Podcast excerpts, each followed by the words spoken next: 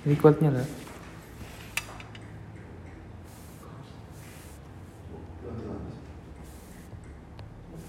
Dah. Oke, eh aku perkenalan dulu ya Pak ya. Ya. Eh, Assalamualaikum warahmatullahi wabarakatuh. Waalaikumsalam.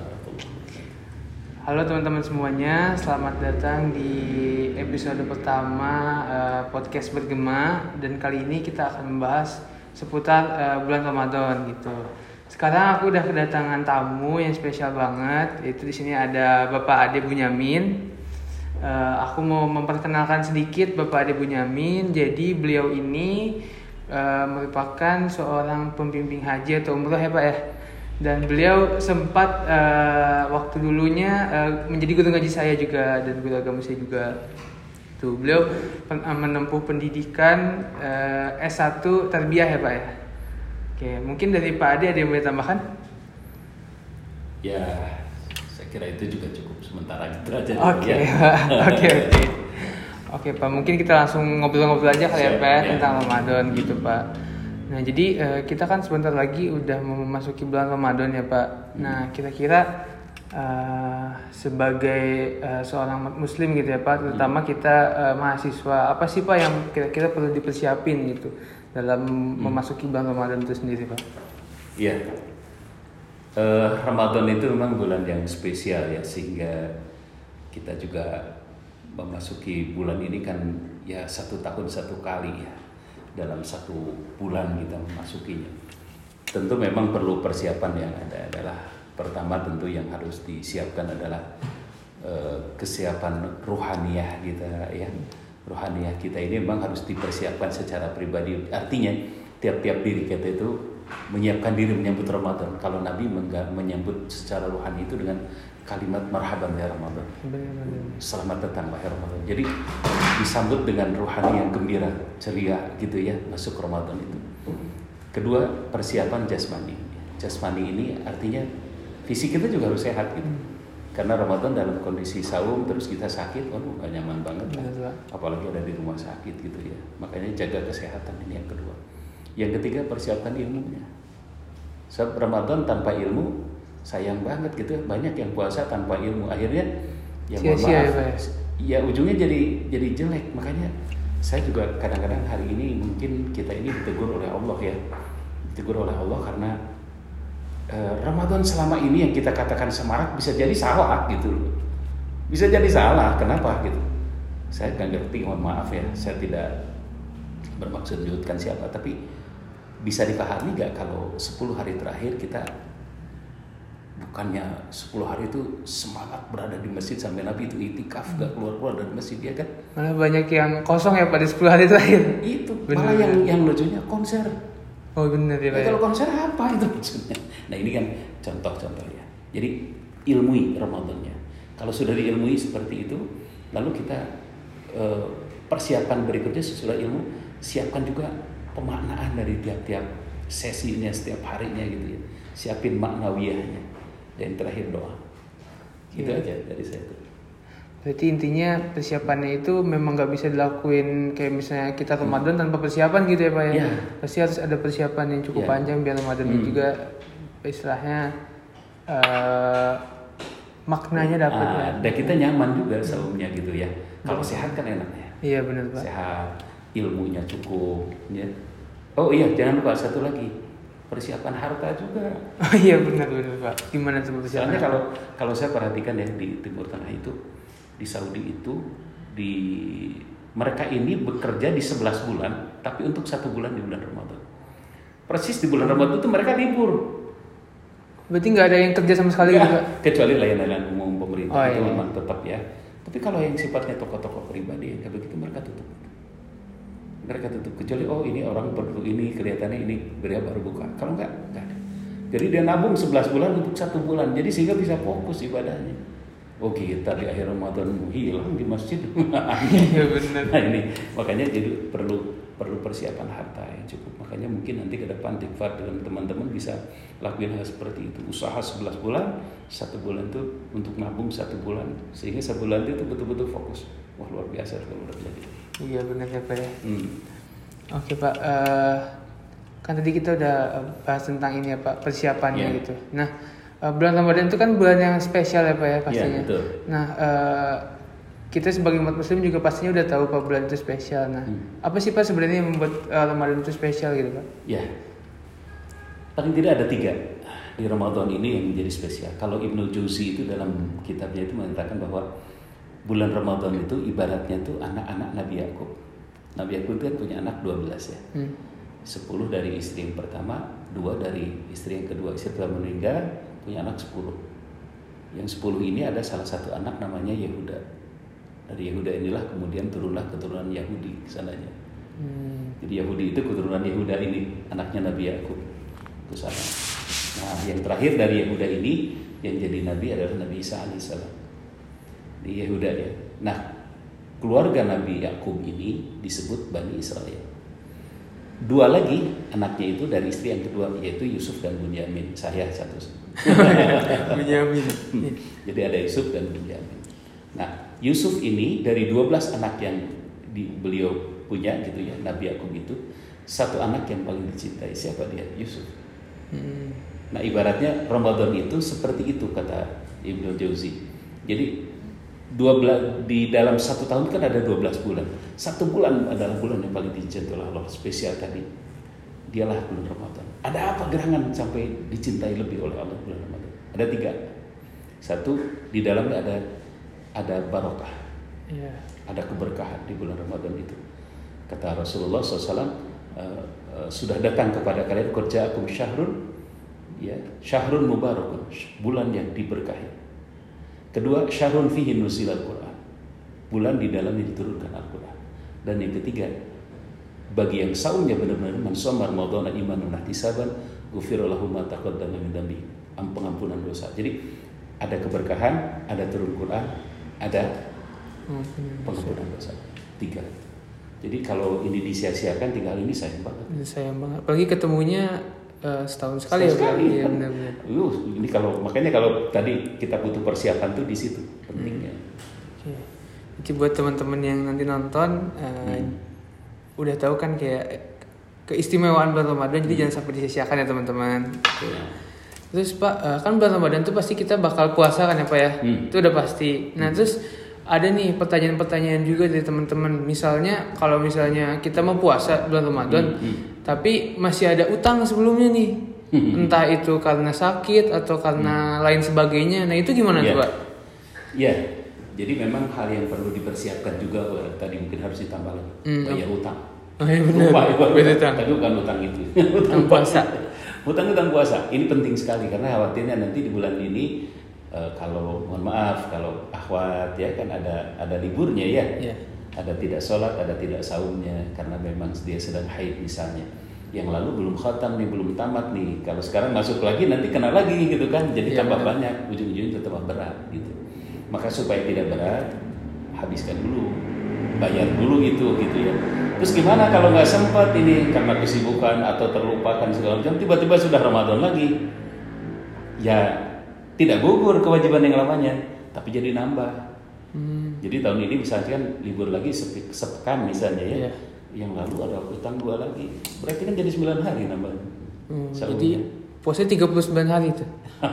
iya, karena dia Oh. harus kodok kan. Oke oke. oke. Jadi bayarnya di akhir ya Pak? ya? Ya bayarnya nanti aja kan ada waktu setelah eh, Sawal nanti sampai ketemu lagi eh, bulan Sya'ban ya. Eh, Karena itu waktunya rentang waktunya kan tetap 11 bulan ada kesempatan untuk bayar yang 9 hari tadi itu. Bisa. Hanya ya tadi jangan diabaikan yang kayak gitu makanya sudah jadi nambah nilainya. Iya. Tapi Pak kalau misalnya kita eh, ada utang nih, Mm. kan baiknya emang harus segera dibayar ya. Harus segera. Berarti kalau misalnya menunda-nunda gitu sampai yang puasanya 39 hari kayak tadi, Hmm. berarti itu jatuhnya dosa ya Pak? Enggak Atau dosa gimana, juga atau- sih karena asal ada niatan untuk dibayar aja. Oh, oke. jatuh tempo ya. Jadi nggak tentu nggak denda ya kalau di sini mah. Karena puasa mah nggak ada denda. Iya. tetap aja misalkan kurangnya aduh yang lalu hanya terbayar 6 misalnya ya. Padahal semuanya 9 berarti dia punya utang dua. Nah sekarang bulan ini karena apalagi perempuan tadi saya ada liburnya ya. Dia tidak saum karena haid misalnya.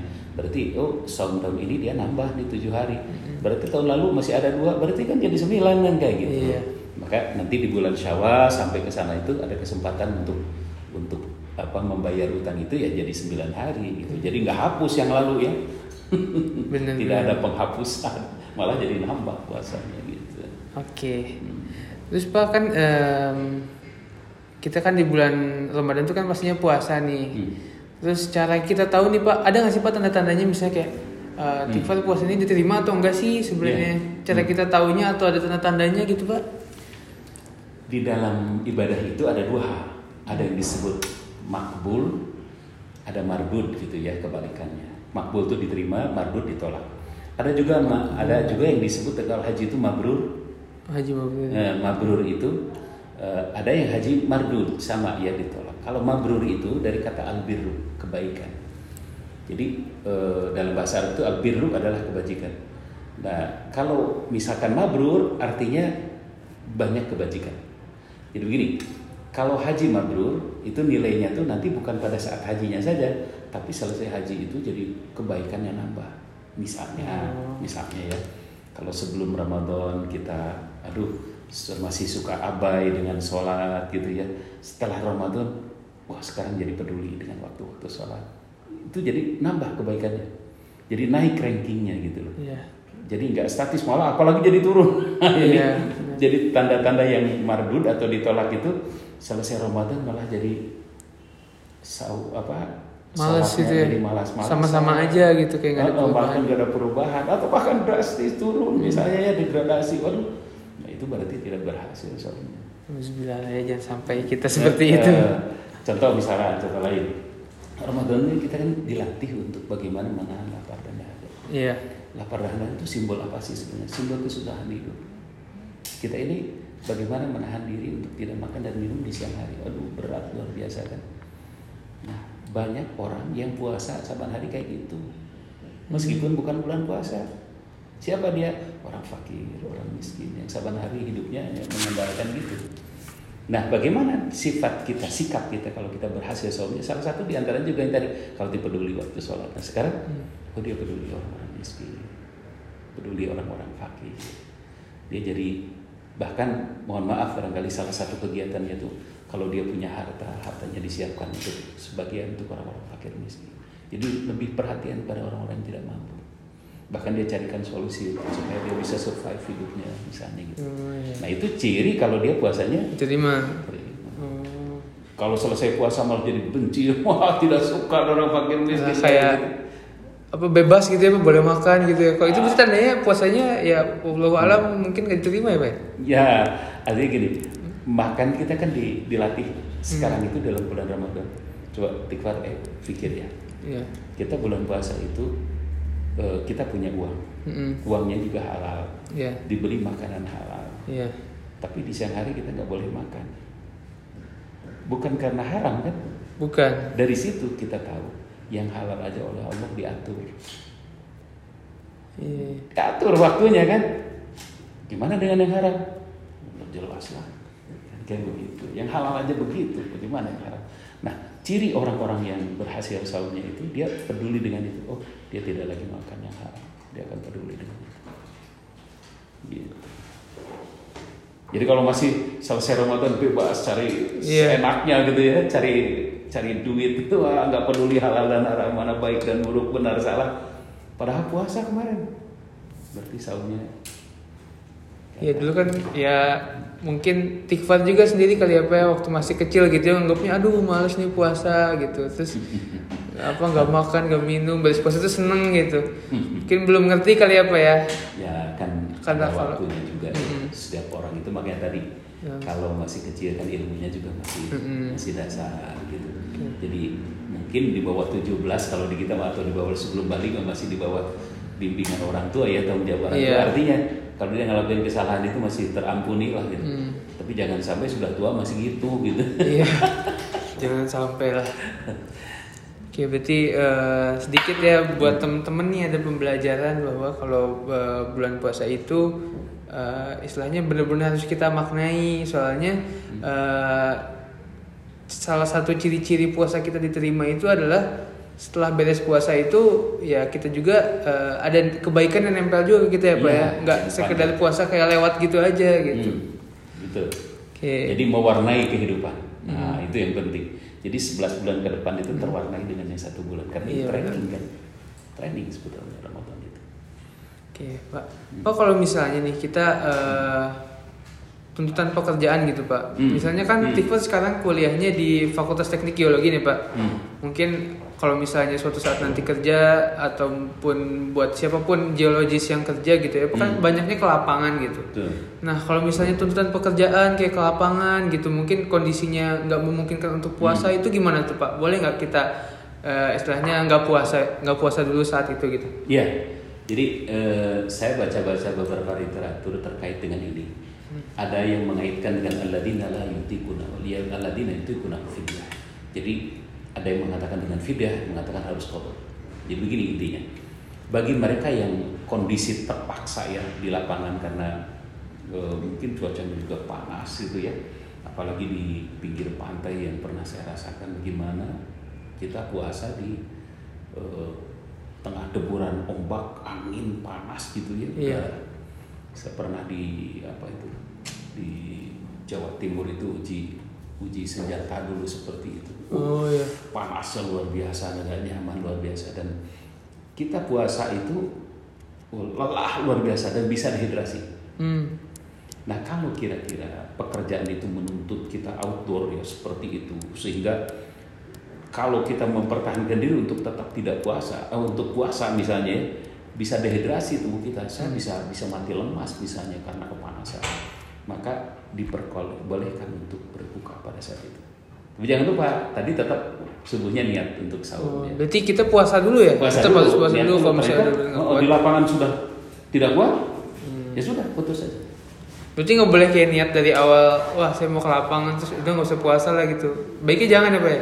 Tapi kalau safar, kenanya kasus safar kalau gitu. Misalkan Oh. eh, Tifar dari Bandung ya, ada kerjaannya misalkan di Palembang atau Iya. di Padang sana atau di mana gitu ya, atau di Sulawesi. Itu kan safar. Hmm. Jadi kena kasus safar. Oh berarti boleh nggak puasanya itu karena dua hal. Karena dua hal. Oh karena Bisa tadi jadi. eh, lingkungan, Betul. karena safar juga. Karena safar. Oke oke oke oke oke.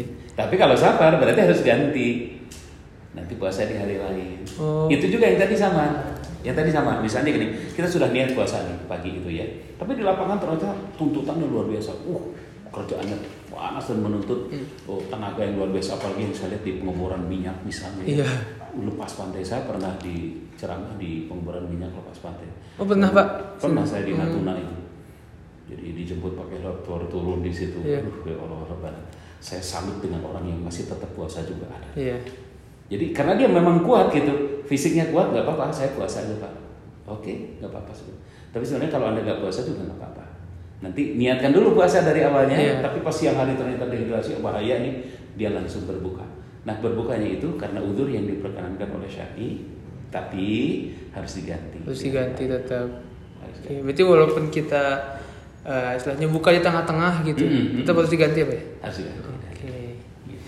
Oke oke. Terus Pak mau nanya juga nih, Hmm. kan bulan Ramadan ya. Hmm. Pastinya kan kayak tadi kalau misalnya kita nggak puasa aja pasti sayang banget kan ya Pak ya? Iya. Sayang banget. Nah Hmm. terus bulan Ramadan ini kan emang bulan yang spesial juga ya Pak ya. Ya. Nah eh, kira-kira amalan-amalan apa aja sih Pak yang sayang nih untuk dilewatkan di bulan Oh. Ramadan ini nih Pak? Hmm, hmm, hmm, hmm. Yang benar-benar eksklusif hanya ada di bulan Ramadan gitu. Ya. Ya terutama puasanya ya. Iya itu nomor satu ya. Ya? Yang kedua, tarawih, qiyamul lail. Hmm. Ini kan nggak ada di tempat lain, di tempat benar. lain. Memang ada tahajud, tapi tahajud kan harus tidur dulu. tidur dulu bangun akhir malam, tahajud itu seperti itu. Iya. Jadi nggak boleh begadang terus tahajud gitu. Tidur dulu Iya, baru benar. bangun. Nah kalau taraweh namanya juga sholat yang santai ya, Iya. tapi serius gitu. Saya nyebutnya sersan, serius tapi santai. Serius seriusan oke. apa gitu seriusnya? Serius ya setiap sholat juga harus serius gak bisa main-main. Tapi santai waktunya. Boleh pada isya boleh boleh tengah malam silahkan. Boleh akhir malam menjelang sahur. Jadi waktunya itu dibebasin seperti itu.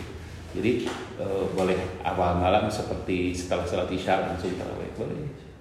Ah saya mau istirahat dulu nih karena kecapean tadi. Mau malam aja nanti. Boleh. Mau akhir malam?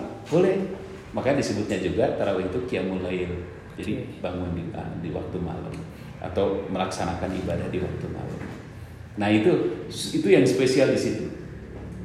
Dan hal lain yang yang juga harus jangan diabaikan adalah pahalanya. Hmm. Itu yang harus diingat ya bahwa eh, memberi takjil, memberi makan kepada minum kepada orang yang berpuasa itu luar biasa. Di hari lain nggak ada. Bulan puasa itu luar biasa. Nilainya itu sama dengan kita dapat nilai puasa juga. Jadi saya memberi takjilan kepada seseorang misalnya ya, nah si A ini kemudian dapat makan dari saya, eh, dari takjil dari saya, saya dapat pahala seperti puasanya dia. Oke. Bayangkan kalau tikfar membagi misalkan kurma ya di kurma kurma itu kan dibungkusin misalkan ada 100 bungkus dibagikan ke 100 orang berarti dapat pahala dari 100 orang itu nilainya tidak ada Iya benar. ya. 100 orang bayangin itu makanya kalau saya lihat di negara-negara muslim ya mereka tuh berburu kesempatan itu tuh luar biasa sehingga mohon maaf ya berlebih benar orang-orang karena di bulan Ramadan ingin ngasih ingin ngasih Hmm. makanya man qama ramadhana imanan ihtisaban ghufira lahu ma taqaddama min. Ini yang utama. Siapa yang melaksanakan eh, qiyamul lail di waktu malam harinya eh, dengan imanan, dasar keimanan, wahtisaban, tidak menyia-nyiakan kesempatan. Artinya semangat luar biasa melaksanakannya dengan benar gitu. Ya ampuni dosa kesalahan. Itu yang spesial. Luar biasa. Ini Berarti banyak. pantasan ya Pak kalau misalnya kita umroh gitu ya di Mekah, di Madinah. Biasanya banyak tuh yang ngasih eh, takjil, ngasih makanan bahkan buat Hmm. bukaan gitu. Hmm. Kita dipanggil-panggilin gitu ya Pak. Iya. Tujuannya untuk itu tadi ya Pak. Iya. Hmm. Karena mereka ingin sekali makanan yang termakan Pak. Karena pahalanya gede. Iya pahala yang luar biasa. luar biasa nah gitu Jadi kalau itu gitu. jangan dilewatkan terus yang kedua ngaji Iya. nah na- Nabi itu tadarus Al-Quran luar biasa kalau saya buka sejarah Imam Syafi'i Imam Syafi'i itu itu fala orang-orang salaf dulu ya selama satu bulan itu beliau menghatamkan 60 kali kebayang nggak berarti sehari semalam dua kali khatam Quran Hmm. Terus kapan tidurnya? Jangan tanya lah. Sehari semalam dia khatam Quran dua kali. Dan itu di luar sholat. Ini yang tidak ada di luar Ramadan. Jadi kenapa begitu kuat interaksinya? Karena Rasul mencontohkan seperti itu dan faham luar biasa. Gitu, ini kesempatan pakai. Tapi juga ya jangan jangan lupa bahwa membaca bukan hanya sekedar membaca, harus ada juga disempatkan waktu untuk ikut kajiannya juga di Hmm. situ supaya kita paham isinya dan seperti apa. Iya. Karena tidak sedikit mereka yang baca terus baca tapi ngerti nggak? Enggak. Iya. Jangan sampai seperti itu. Nah, jadi nanti eh, mungkin Tikfar punya grup misalnya ya, ada grup kajian Al-Qur'an Iya. khusus ini untuk mengkaji ayat demi ayat. Ada grup tadarus Al-Qur'an. Iya. Dan tadarus Al-Quran ini ringan, enak sekali. Saya mencoba begini polanya. Kalau ingin khatam satu bulan ini satu kali, cukup setiap selesai sholat dua lembar. Oh iya. Dua lembar aja selesai. Setiap selesai sholat. Jadi se- eh, beres sholat subuh dua lembar, Dua lembar. subuh dua lembar, dua Betul. lembar. Berarti sehari itu sepuluh ya? Sepuluh lembar. Dan satu juz itu tidak kurang dari sepuluh lembar. Jadi berarti sehari satu juz kan? Iya. 30 hari? 30 juz. Hatam. Oh, Oke. Kalau pengen dua kali khatamnya, berarti tambah tuh. Hmm. empat kali empat lembar setiap selesai sholat dua kali itu khatam Quran satu bulan itu rumusnya tuh Oke, boleh. Ntar dicoba deh Pak, soalnya ini Dicoba. ilmu baru nih. Mungkin tikfar yang kurang mencari atau gimana, tapi ini Hmm. baru dengar nih ilmunya. Semoga bisa diterapin di Ya. bulan Ramadan hari eh bulan ini. ya dicobalah insya Allah Oke. Nah, terus Pak, eh, kan tadi udah bahas soal taraweh ya Pak ya. hmm. Nah, taraweh itu kan amalan-amalan yang benar-benar sayang kan Pak kalau misalnya Hmm. dilewatin nih. betul, betul. Nah, kalau misalnya pandemi kayak gini nih Pak, Hmm. Nah, tarawih pandemi itu kalau misalnya eh, dilaksanakannya itu lebih baik eh, di masjid atau di rumah gitu, Pak? Hmm. begini memang eh, di zaman Nabi pun sudah ada sholat tarawih berjamaah di masjid ya. Hmm. cuman Nabi khawatir kalau ini dianggap sebagai suatu amalan wajib. Hmm, Sebab meskipun bagaimana tarawih itu ibadah sholat sunnah, tapi nilainya besar, ya. kan gitu ya. Karena itu, karena Nabi khawatir ini dianggap wajib, maka Nabi pernah satu pekan beliau sholat di masjid bersama apa masing-masing tapi di masjid waktu itu belum jamaah. Pekan berikutnya Nabi nggak ada. Nabi di rumah gitu ya. Nah apa ketika ditanya kenapa ya Rasulullah? Aku khawatir dianggap ini wajib kata Rasul itu artinya sholat tarawih di rumah gak ada masalah. Karena hakikatnya sholat sunat itu lebih baik di rumah sebenarnya. Hmm, hanya kalau di rumah sekarang kan nilai silaturahminya jadi kurang. Iya. gitu ya. Itulah yang kemudian dirintis oleh Sayyidina Umar bagaimana sholat ini awalnya di masjid tapi berantakan karena masing-masing itu ada yang pojok sana pojok sini sendiri-sendiri maka di zaman Sayyidina Umar yuk kita kumpulin yuk kita sholat dan Nabi juga pernah nyantuin kayak begitu dulu meskipun hanya sepekan lalu dicobalah kalau Sayyidina Umar tenda akhirnya Banyak. banyak, Mm. Mm-mm. dan sampai sekarang jadi seperti ini ya jadi eh, pahalanya tentu akan berbeda sholat sendiri dan sholat berjamaah Iya. karena eh, meskipun bagaimana berjamaah nilainya jelas lebih besar gitu terus kalau dilakukan berjamaahnya juga di rumah misalnya ya Hmm. dalam kondisi pandemi ya kita wajar karena ada masalah Hmm. kalau ada masalah seperti ini kan kita itu intinya ya keselamatan diri jauh lebih utama daripada silaturahminya Mm-mm. gitu ya silaturahmi tapi melahirkan klaster baru misalnya tentu akan jadi masalah ya kalau di rumah dengan keluarga itu tidak ada masalah justru malah dia lebih selamat dua hal Iya. nilainya dia dapat terus eh, dia juga dapat selamatnya juga itu keselamatan diri dan orang lain tentunya. Oke. Nah hanya kalau sekarang saya lihat sudah mulai Ya udah mulai agak uh, Longgar ya? jamaah juga kan biasanya kalau sholat Jumat Mm. kan dulu masih sepi, Mm. sekarang udah mulai rame gitu. Iya, ya mudah-mudahan lah ini Ramadan tahun ini si coronanya sudah pergi gitu ya. Amin, amin, amin, amin, amin. Kan kemarin malah tuh ulang tahun ya, tapi jangan dibilang banyak umur gitu. Iya. Jadi alhamdulillah sekarang sudah mulai landai, mudah-mudahan aja ini hilang lah. Mudah-mudahan insya Allah. Soalnya banyak lumayan pak yang kena akibat corona tuh kayak dulu kan kalau misalnya jemaah tuh kan, eh kalau misalnya Ramadan tahun lalu kan Hmm. dua tahun lalu berarti ya, Hmm. misalnya suka banyak kajian gitu. Kalau sekarang kan ada kajian tapi nggak eh, istilahnya nggak seramai dulu gitu. Jadi Hmm. kayak apa ya? Suasana Ramadan itu kurang gitu kadang-kadang. Hmm. Terus Pak mau juga tadi kan eh, pahala sholat berjamaah taraweh dan sendiri itu berbeda gitu. Hmm. Nah terus kalau misalnya untuk yang di masjid sama di rumah itu beda nggak Pak? Tapi kita sama-sama berjamaah gitu. Ya, tentu eh, saya lihat dalam urusan yang satu ini dua-duanya juga sunnah ya. Hmm. Jadi sholat tarawih itu sunnah. Jadi karena dia nilainya sunnah, tapi ya besar nilainya gitu. Kalau sendiri atau berjamaah di rumah tentu akan berbeda setiap orang. Tentu berjamaah di masjid dengan berjamaah di rumah juga akan berbeda juga nilainya pada akhirnya. Tapi toh di rumah juga tetap berjamaah misalnya. Tapi setelah sholat wajibnya di masjid itu jauh lebih baik. Isya di masjid misalkan berjamaah, saya tarawihnya di rumah dengan keluarga. Nah, saya kira itu juga tetap tidak mengurangi nilainya ya tetap aja besar sama misalnya apalagi zaman kondisi kayak sekarang Oke berarti insya Allah eh, kalau sholat taraweh mau di rumah mau di masjid itu pahalanya sama ya Pak? iya berjamaah Saya berjamaah. usahakan berjamaah Iya. dengan ya. Oke Pak. Terus eh, soal Ramadan lagi kan ada eh, 10 hari terakhir atau biasanya Malamul Qadar ya Pak ya. Hmm, hmm. Nah eh, gimana sih Pak kayak kiat-kiat kita biar mendapatkan malam Lailatul Qadar itu Pak? Iya iya. Eh, kalau kita merujuk kepada Rasulullah SAW, karena eh, Rasul itu menunggu Lailatul Qadar itu sampai beliau nginep 10 hari terakhir itu kan di masjid, Hmm, ya tidak pulang. itikaf ya. Itikaf. Jadi kiatnya bagaimana? Gak ada jalan lain kecuali itikaf. Nah kita ini itikafnya ada di pilihan malam doang kan. Iya. Siangnya ke mana kalau malam kan itikaf ya malam ke masjid. Itu Iya. mah masih latihannya itikaf. Itikaf sesungguhnya itu 24 jam gak keluar dari masjid. Sekali itu bener-bener 10 hari. seharian 10 harian berarti ya? 10 hari. Iya. Nah di sini ada beberapa tempat ya kalau saya Hmm. lihat di Bandung ini yang juga begitu dengan keluarga sampai pasang tenda di halaman di depan masjidnya tuh. Iya. Ada ruangan kosong tetapi masih dalam masjid. Hmm. Mereka pasang tenda di situ tiap-tiap keluarga. tuh.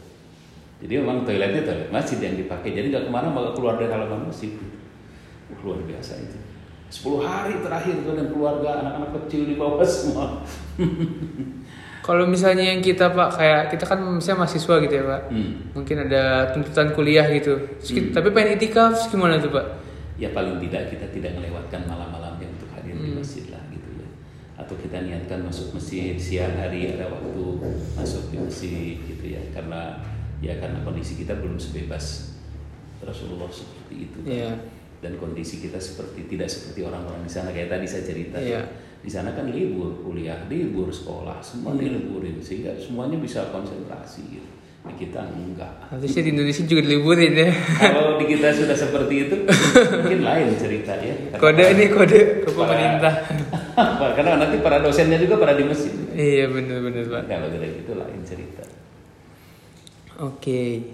Terus Pak, eh, tadi kan udah soal Qadar juga. Terus eh, mau nanya juga nih Pak, kan kita di bulan Ramadan tuh pasti harusnya itu eh, kita fokus beribadah gitu ya Pak ya. Hmm. Karena tadi banyak kayak amalan-amalan yang sayang untuk lewatkan. Terus pokoknya Hmm. eh, banyak berkah yang sayang untuk kita lewatin gitu. Hmm. Nah terus kita sebagai mahasiswa bahkan kadang aku sendiri ya pak ya. Banyak tugas kadang-kadang ada eh, tugas ini tugas itu kadang numpuk tuh sampai kadang-kadang eh, sholat di luar bulan Ramadan aja kadang lagi sholat kadang-kadang kepikiran gitu. Ya nggak nggak baiknya di situ ya pak ya. Nah terus gimana tuh pak kayak istilahnya kiat-kiatnya biar kita eh, beribadahnya tuh khusus gitu. Khusyuk ya. khusyuk. Mm-mm.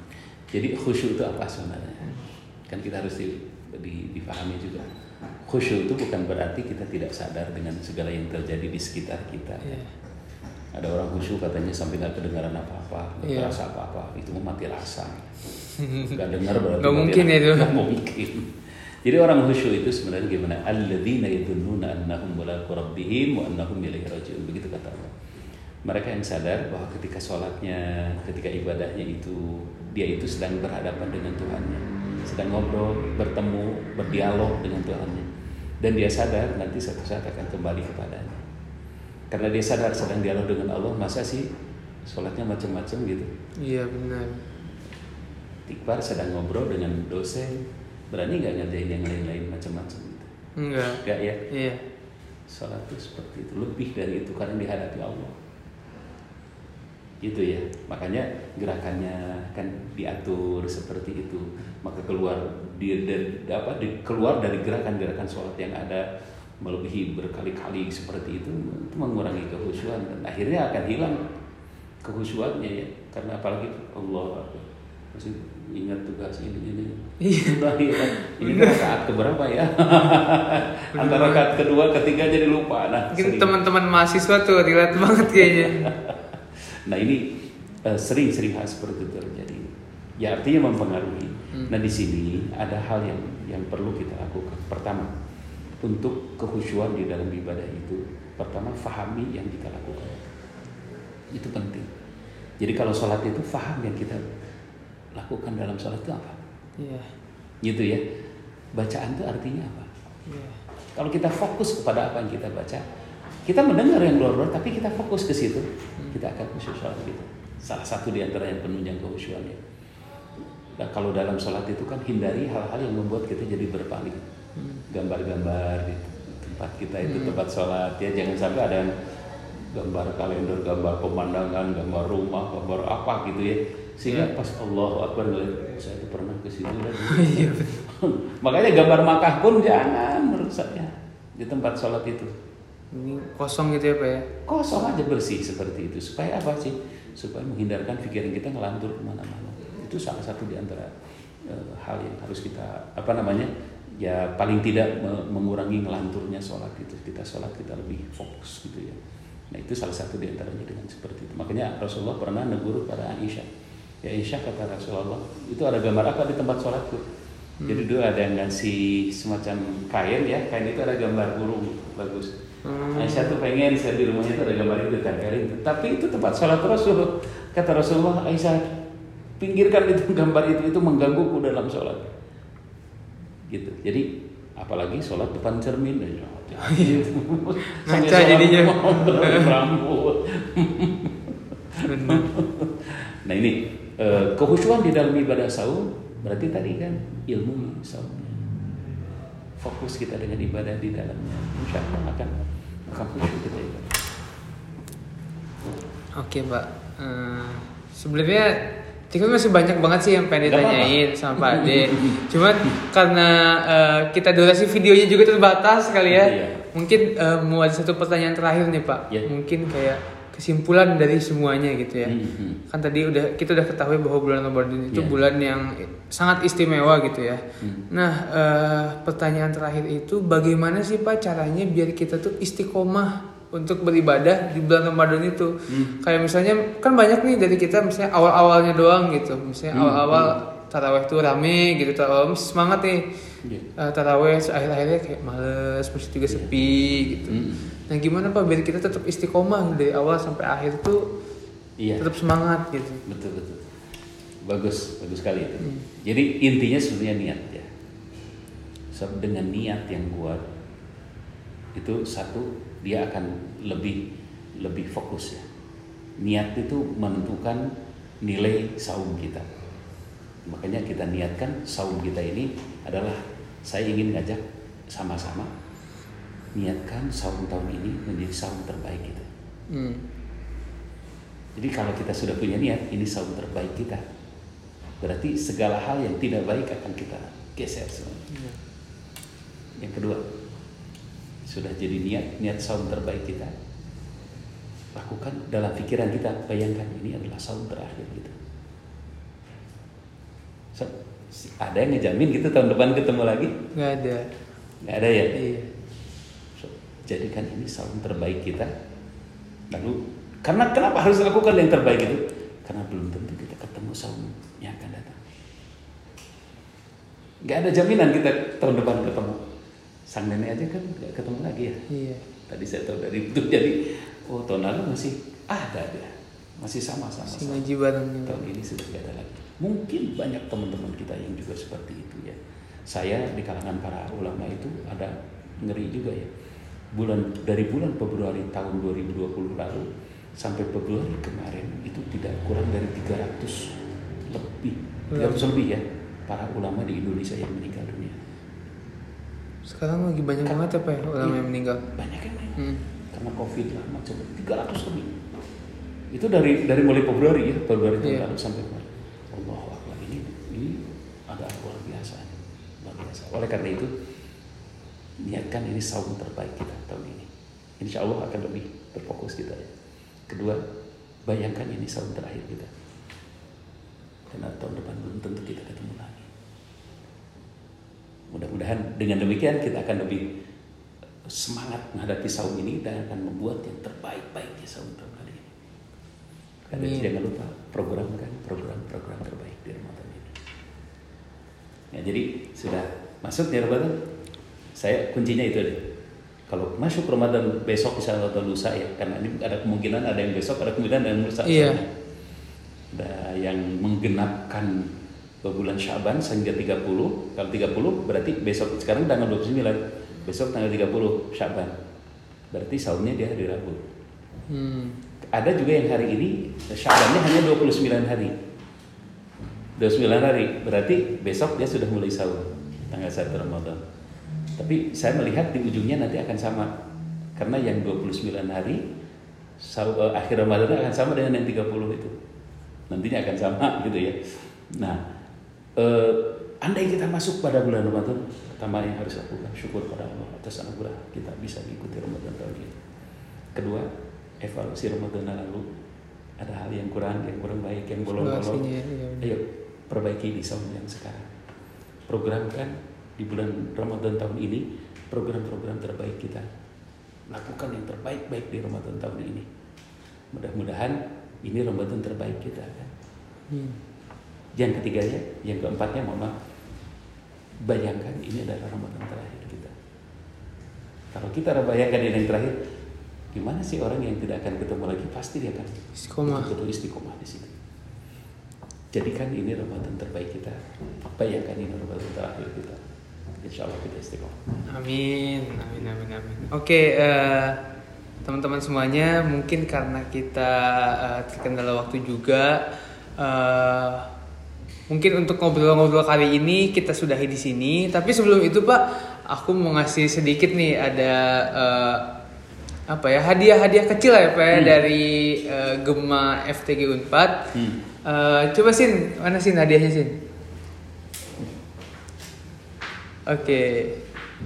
Boleh langsung dikasih aja deh. Oke, jadi kita ada sedikit eh, ya. piagam kecil lah ya Pak ya. Eh, untuk Pak Ade eh, yang udah berkenan nih hadir di sini sebagai pembicara di podcast pertama kita. Semoga eh, oke. Foto dulu. Oke, udah.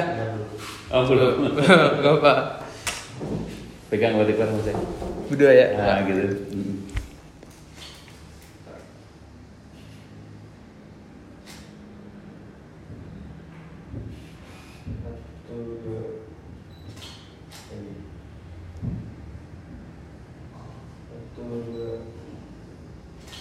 Oke. Jadi eh, kita eh, sangat berterima kasih nih kepada Pak Ade yang udah menyempatkan waktunya di tengah kesibukannya. Eh, udah mau datang ke sini, udah mau ngobrol-ngobrol eh, sama kita Gema. Ya semoga eh, video eh, podcast ini bisa istilahnya ditonton banyak orang. Terus insya, insya Allah membawa manfaat yang baik juga ya buat yang Amin. nontonnya juga gitu mungkin. Amin. Mungkin eh, sekian dari episode kali ini. Terima kasih banyak yang udah nonton. Eh, minta bantuannya untuk komen, like, dan subscribe dan share video ini ke teman-teman. Semoga eh, dakwah kita ini bisa tersebar luas dan akhirnya banyak orang yang dapat manfaatnya juga. Mungkin eh, saya Tikfar Ahmad Jayadi dan Bapak Ade pamit untuk undur diri. Terima kasih semuanya. Sampai bertemu di episode berikutnya. Alhamdulillah.